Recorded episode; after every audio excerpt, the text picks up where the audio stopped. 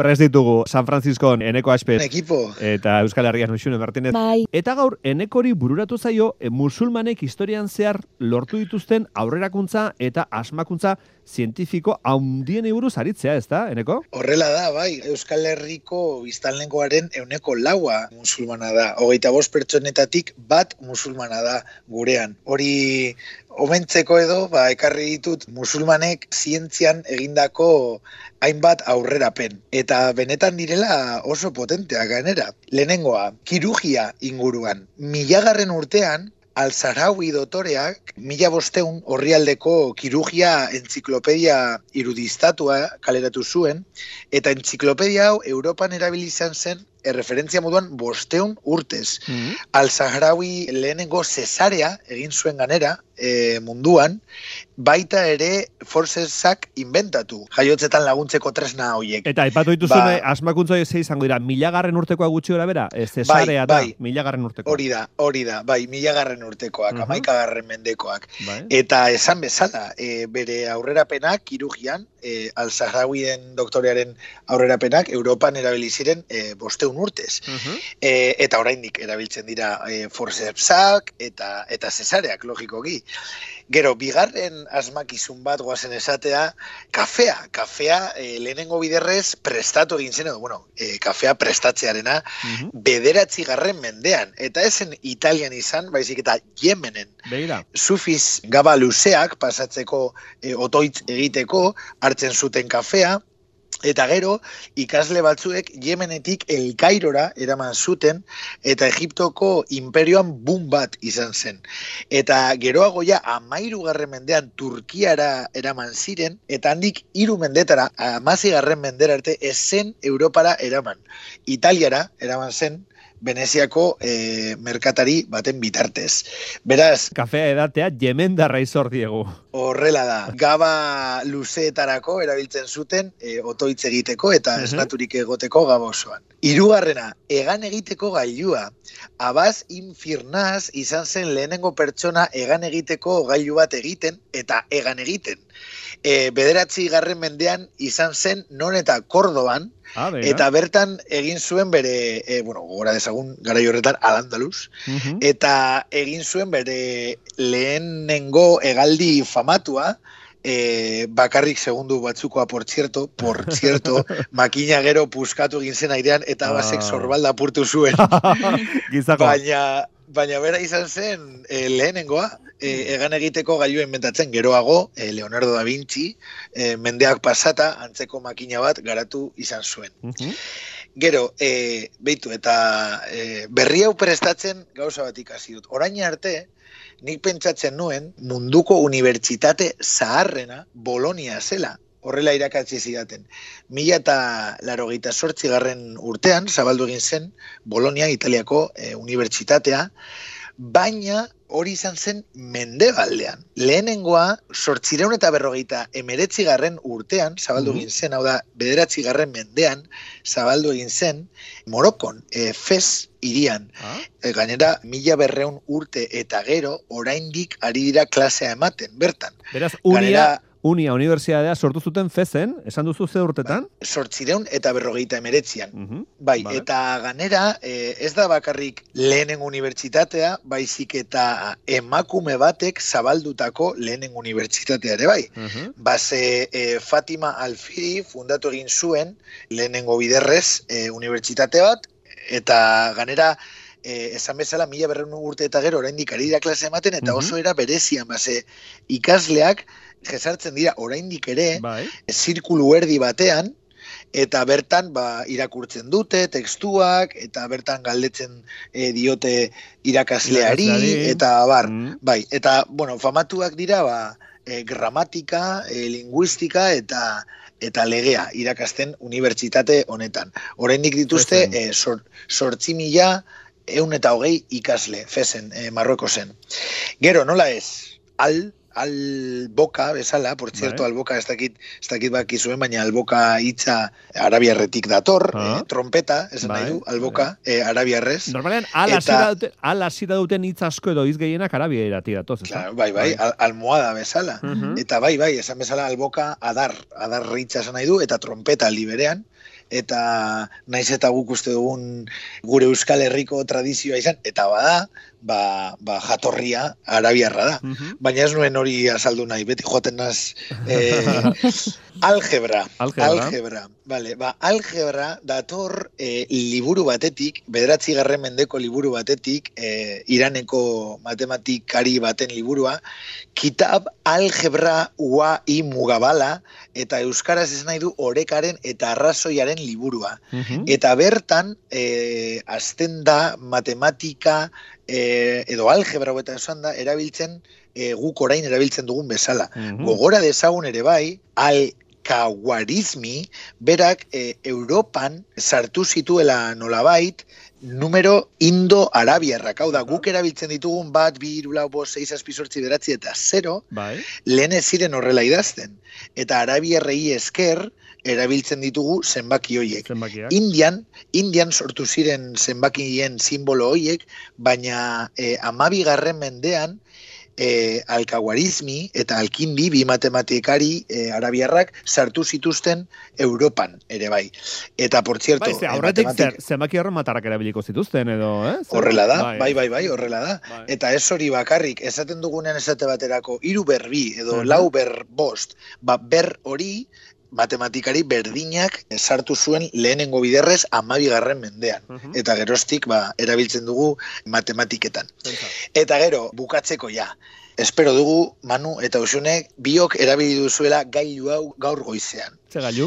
Hortzetako eskuila. Eskuila, Bai, bai. bai. ba, hortzetako eskuila ere bai, arabiatik dator, e, misguak, misguak, ze, izan zen lehenengo hortzetako eskuila, eta misguak da, arbola baten adartsua. Mhm. Eta hauek erabiltzen ziren, eta erabiltzen dira, por cierto, base sartu naiz e, Googleen eta ikusi dut, oraindik Bai. sartzen, e, saltzen dituztela misguakak, ba misguak da arbola baten adartsua, hortzak arbitzeko primerakoa dena, eta orain dela zazpimila urte gutxienez, hasi ziren zabaltzen mesguaken adartsu hau, arabiarrek e, hortzak garbitzeko. Aha. Beraz, errepaso egin dezagun, ba, kirugian, forcepsak eta eta cesareak baita entziklopedia oso famatu bat, Bai. arabiarrek sartu zuten, e, kafea, Kafea, prestatzea, Bai. Egan egiteko lehenengo gailua, Lehendabiziko lehen- egazkintxoak. Mhm. hori da, lehenengo, naiz eta... Egaldia oso laburra izan zen, eh? Hori da, naiz eta zorbalda apurtu batekin bukatu, lau, e, laugarren puntua lehenengo unibertsitatea Unia, sortu bai. zutela, e, bederatzi garren mendean, Bai. e, ganera emakume batek fundatuta, Bai. Gero algebra eta Algebra. azkenik hortzetako Eskuila, arabiarra izor diegu, eh? Mhm. Esan duzu, zazpi mila urte dara matzagula hortza garbitzen? Eh, eskuila Horrela da. Vale. Mis, misguaka, arbola... Eh, Arrola baten adartxo batekin hori da, sortu zituzten lehendabiziko eskuilak, ezta? Badakizu, egunako hogeita lau ordu ditu, eta hor badira argi orduak, eta gauak ere bai, hogeita lau orduko zikloa da, eta ziklo horri, ziklo zirkadianoa deitzen zaio, Mhm. eta ziklo horri lotuta dago gure elikadura ohiturekin, ohitura egokita desegokiekin, guztiarekin, ezta? Bai, ba, aipatu duzu moduan, bueno, ba, jatorduei buruz hitz egingo dugu eta Bai. argi iluntasunaren zikloarekin. Osongi. Ze zuk aipatu duzun zir, e, ziklo zirkadiano hori erloju berezi bat da. Guk Mhm. eh, barnean daramagun erlojua e, eskumuturrean eramaten dugun bezala ohiko e, ordularia, ba, Gero eta gutxiago hori, eh? baita, baita, bai, ba, Nik ba, erabiltzen dut, baina gero eta gutxiago. Bueno, badaukagu eh, horrelako erloju ero ordulari propio bat, Bai, eh, gorputza biologikoa. badauka bere ordularia Bai. baita ere. Eta ikusi da, bueno, ba, ziklo zirkadiano ero erloju zirkadiano honek, ba, loaren e, ereduetan, ero loan eragina duela, Mhm. e, elikadura portaeretan, hormonen askapenean, hainbat gauzetan, eta baita ere harremana duela, ba, osasun arazo batzuekin, esaterako obesitatea, gaixotasun kardiobaskularrekin, minbiziarekin, badu harremana modu zuzen ero ez zuzenean, baina badaukate hor ba zer ikusia, ez? Eta esaterako ikusi dute hainbat ikerketek zer ikusia duela obesitatearekin ero argaltzeko orduan ba egiten ditugun gauzekin ero ba dinamikekin ero, ez? Eta aipatuko ditugu, e, bueno, ikerketa batzuk.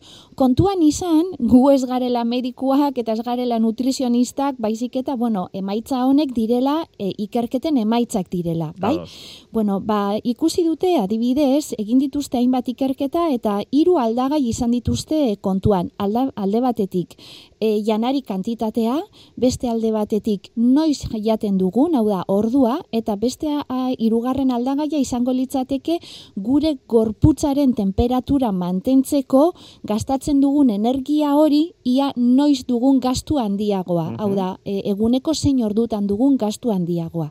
Bueno, ba, kantitateari e, dagokionez. Esperimentu bat egin zuten eta hartu zituzten hainbat e, bolondrez eta bolondrez horrek e, bi taldetan banatu zituzten, bai? Eta e, amabi e, asteko jarraipena egin zieten. Kontua da, lehenengo aldean, dieta bat jarri zietela, argaltzeko dieta bat, eta dieta horretan, bueno, hiru otordu jarri zi- zizkien ba, talde biei, e, alde batetik lehenengo gozaria, eta gozariaren otordua zan zeiretatik bederatziretara, bigarren otordu bat baskaria, eta baskariaren ordutegia zan amabietatik iruretara, eta hirugarren otordua afaria, Afaria. eta afaria. zeiretatik bederatziretara, bai?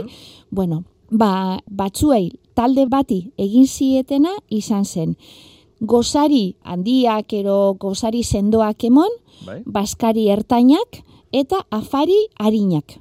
Eta beste taldeari egin zietena izan zen e, gozari harinak, ero kantitate gutxikoak, baskaria ertaina eta afari ba, potenteak, ez? E, ba, kalorikoak, ero behintzat e, pisudunak e, jartzea. E, errepikatu pizkat ideia bat egiteko, lehendabiziko taldeari jarri zizkioten gozari sendoak, Bai. bazkari ertainak Bai. eta afari harinak. Hori da. Eta bigarren taldeari, Bai, bigarren taldeari e, gozari eskasak, ero Arinak. Vale. gero baskari ertainak, hau da, eta e, afari Sendoak, sendoa, potenteak. potenteak, Vale. bai?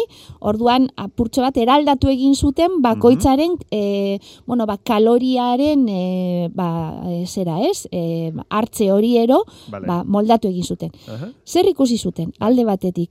Gozari handiak egiten zituzten voluntarioek, Mhm. gozari harinak egiten zituztenek baino, bi ia hiru aldiz askarrago galtzen zutela pisua. Ah, Hau da, ikusi zuten, ondo gozalduz gero, ba, hoiek harinago, ero errezago galtzen zutela pisua, Mhm. besteek baino. beste baino. Gozari Bai. harina egiten zutenek baino, ezta? Hori da. Bueno, e, kontua da ikusi dugu, e, otorduen e, ordu tartea ere, zala, bueno, ba, e, gozariak zeiretatik bederatziretara, baskariak amabietatik iruretara, eta Bai. afariak zeiretatik bederatziretara. Bueno, ba, orduari ero, otordua hartzen zuten orduari erreparatu zioten. Eta zer ikusi zuten? Otordua goiz egiten zuten horiek ere, Mhm. harinago, ero errazago, argaltzen, ero galtzen zutela pisua. Hau da, amabietan zeiren inguruan, zeiren bueltan, zeire zazpian e, gozalduz gero, Bai. amabiak ordu batetan, baskalduz gero, eta arratsaldeko zeire zazpiak, hor tarte horretan zazpiterdietan, afalduz gero, horiek ere, hoien pisu galera, harinagoa zela hau da, gehiago galtzen zuten eta harinago Bai. beraz, gainera. zenbat eta beranduago gozaldu, bazkaldu da faldu, orduan eta gizenago. Hori da, zenbat eta goizago otordua egin, pisua galtzeko joera handiago Vale. erakusten zuten Vale. e, bolondrezek. Bai. Bai? Eta beste kontu bat zan, adibidez, gorputzeko temperatura. Ikusi zuten aldagai bat deritzoguna termogenesia. Mhm. Termogenesia da, bueno, ba, beroa, barakizue, em, gorputza, gure gorputza mantentzen dugula, hogeta amabost, hogeta amazazpiko gradu tarte horretako temperaturan eh, mantentzen dugu, ez? Hogeita amabost, hogeita amazazpi hori biltzen da Bai. gure ohiko temperatura, ezta? Hori da. Gorputzaren temperatura. Hori da, beraz, temperatura hori mantentzeko gure gorputzak gastu badauka, energia gastu bat, bai, eta horreri termogenesia deitzen zaio, ez? Eta orduan ikusi zuten, bueno, ba, e, gure gorputza temperatura horretan mantentzeko zein zan prozesu metabolikoa, zein zan gastua, ez? Eta ikusi zuten egunaren zikloari jarraituz gero, bueno, ba, goizean dugula gastu gehiago. Mhm. Hau da, e, lehenengo orduetan eta eguna e, aurrera joan ala, Bai. gastu hori ba, gutxitu egiten dela. Hau da, gauean, arratsalde partean, ilunabar partean eta asko geisten da gastu hori ba, gorputzaren temperatura mantentzeko bere horretan ba, gutxiago gastatzen dugula. Mhm. Eta gauza guzti hauek kontuan ikusiz, Bai. ez? Ikusi zuten alde batetik, ba, e, gozaria garrantzitsua dela, hau da, gozari e, handi bat erosendo bat egiteak ez duela suposatzen e, ez duzula argalduko, baizik Mhm. eta ez, ba, ikusten da, e, goizean indartsua asteak lagundu egiten diola Bai. gorputzari, ba, argaltzera, ero? Aha. Beste alde batetik ikusi zuten, bueno, e, garrantzitsua dela goiz e, otordua egitea, Egitea. bai, eta beste alde Goiz gozaldu, goiz bazkaldu, goiz afaldu. hori da. Mhm. Eta maitzeko ikusi zuten, bueno, ba, arratsalde zero gauez baino energia gehiago gastatzen dugula Mhm. egunez, eta batez ere goizean goiz gastatzen dugula gehiago. Eta ikertzaiek zer ondori estatu zuten. Bueno, Bai. ba, gure biologia fenomeno bateri lotuta dagoela, eta da eguzkiaren irterari eta sarrera Mhm. orduari. Hau da, hogeta lau orduko argi iluntasun ziklo horretara Bai. dagoela doituta, ez? Mhm. Eta esan zuten, bueno, gure metabolismoa ez dago prestatuta arratsaldez eta gauez elikagaiak, ba bueno, prozesatu eta haien energia Ah. modu eraginkorrean erabiltzeko. Ja. Zergatik, ba egunaren argi indar horreri lotuta dagoelako gure biologia. Ah. Eta esnatzen garenean gehiago gastatzen dugu hainbat faktore direla medioetan. Beraz, gaueko afariak eta sendoak izatea ez da batera ideia ona, eta initzen pentsatzen igual, gaueko parrandak ere ez da bela oso ez irmo el, ziklo zirkadian horekin lotuta, ez? Bueno, ikertzaileek esaten dute, ez? E, zirko zirkadiano hau ero e, nolabait e, ba, irauli egin dela, ba, orain argindarra dugulako Aha. ba, artifiziala, e, oskailuan e, janaria dugulako Mm, eskura edo zein momentutan, eta batez ere, bueno, ba, gure bizioiturak ere aldatu egin direlako. Mhm. Eta seguruenik e, gure entzuleek ere e, entzunda izango dute horrelako esaera bat, Bai. non esaten duen errege baten lez e, gozaldu behar dela, Ah, bai. printze baten moduan e, zertu, e, bazkaldu, Bazkaldu. eta gero afaldu, e, ai, pobre baten, ero eskale baten antzera. hori da, Ah. hori da. Badago, bai, horri horrelako esaeraren bat, ero atxotitz bat, ero uste du kastelania zentzun izan dudala, beraz, begiratu zelan, zelakoak diren gauzak, Bai. On, ondorio da, gozariak eh, izan behar duela eguneko otordori garrantzizkoena, ez da? Hori ondorio Bai. hori geratzen da. bai, E, ze goizean egiten dugu energia gasturik handiena, ez da? hori da. Eta e, egunean zehar, ba, bai, jan behar ditugu gauza, baina ez, bintzat, e, goizean adina, ez da? E, gutxi gora bera, ez da? Eta gero, egin behar da, goiz gozaldu, goiz bazkaldu, goiz afaldu, ez? Bai, batez ere hori dagoelako lotuta egunaren argi ilunaren ziklo horrekin lotuta. Mhm. Eta ikusten da, bueno, ba, e, eguna e, iluntzen doan einean, ero Bai. iluna barrean, ba, gure gastua jeitsi egiten, egiten dela. egiten dela, eta ez dagula gara e, hainbeste. Eta aldiz goizean, badugula ere hor gastu Mhm. energetiko handiagoa, eta hor, bueno, ba, beharrezkoa dugula ero, ba, e, elikagai ero kaloria gehiago e, hartzea. Hori da ikerketek Esaten diotena. dute, gu ez gara medikuak. Gu ez gara Guk Egin da, ikerketek egin dutena jaso. Eta, Hori da. e- eta zabaldu. Eta ikerketa honek egin dituzte Tel Aviveko unibertsitatean, Murtziako unibertsitatean eta gero Bostoneko ospitale batean. Bueno, gero gure entzule galde zaietela, dietistei eta medikuei. bai, baina, bueno, E, baina, bueno, guk ideak eman ditugu eta ikerketa zientifikoak ekarri ditugu, eh? hori da, hori da. Baixa zer diozu otordi buruz elikaduraz? Jo, ba, justo eh, gogoratu dut, erritmo zirkadianoari buruz hitz egin duzuenean, Bai. eh, astronautei pasatzen zaiena, ba, ze, Eh? karo, daudenean eh, nazioarteko estazio espazialean, Eh? bueltak ematen Bai. eh, lurrari, laro mar minuturo Bai. eguzkia jartzen da eta joaten da. Jartzen da eta joaten da, laro mar minuturo. Orduan, Mhm. beraien erritmu eh, zirkadianoarentzat da bomba bat. Eromena izango. Eta orduan, bai, bai. Bai, bai, bai, eta orduan ba, lo egiteko arazoak dituzte, Uf, zaila eh, hori. noiz, noiz antolatu jatekoa, Eh, eta bar. bai, Zuek bai. imaginatu zuen egunak direla erogeita amar eh, minutukoak, Uf. ba, bai. izango zen zoramen bat. Zoramena. Asko pasatzen zait, adibidez, ba, joaten azenean, eh, Kaliforniatik dagoela estatu batuetako e, mendebaldean, hau da, gurutzatu behar dut, estatu batu osoak direla sei ordu terdi, gutxi Bai. gora bera, Bai. San Franciscotik Nueva Yorkera, eta gero Nueva Yorketik Euskal Herrira Euskal beste Herrira. sei ordu, Bai. amabi ordu eta piku, ba, pikutara joaten da, zure Mhm. erritmo zirkadianoa, Zirkadianoa, jet lag, gero hori.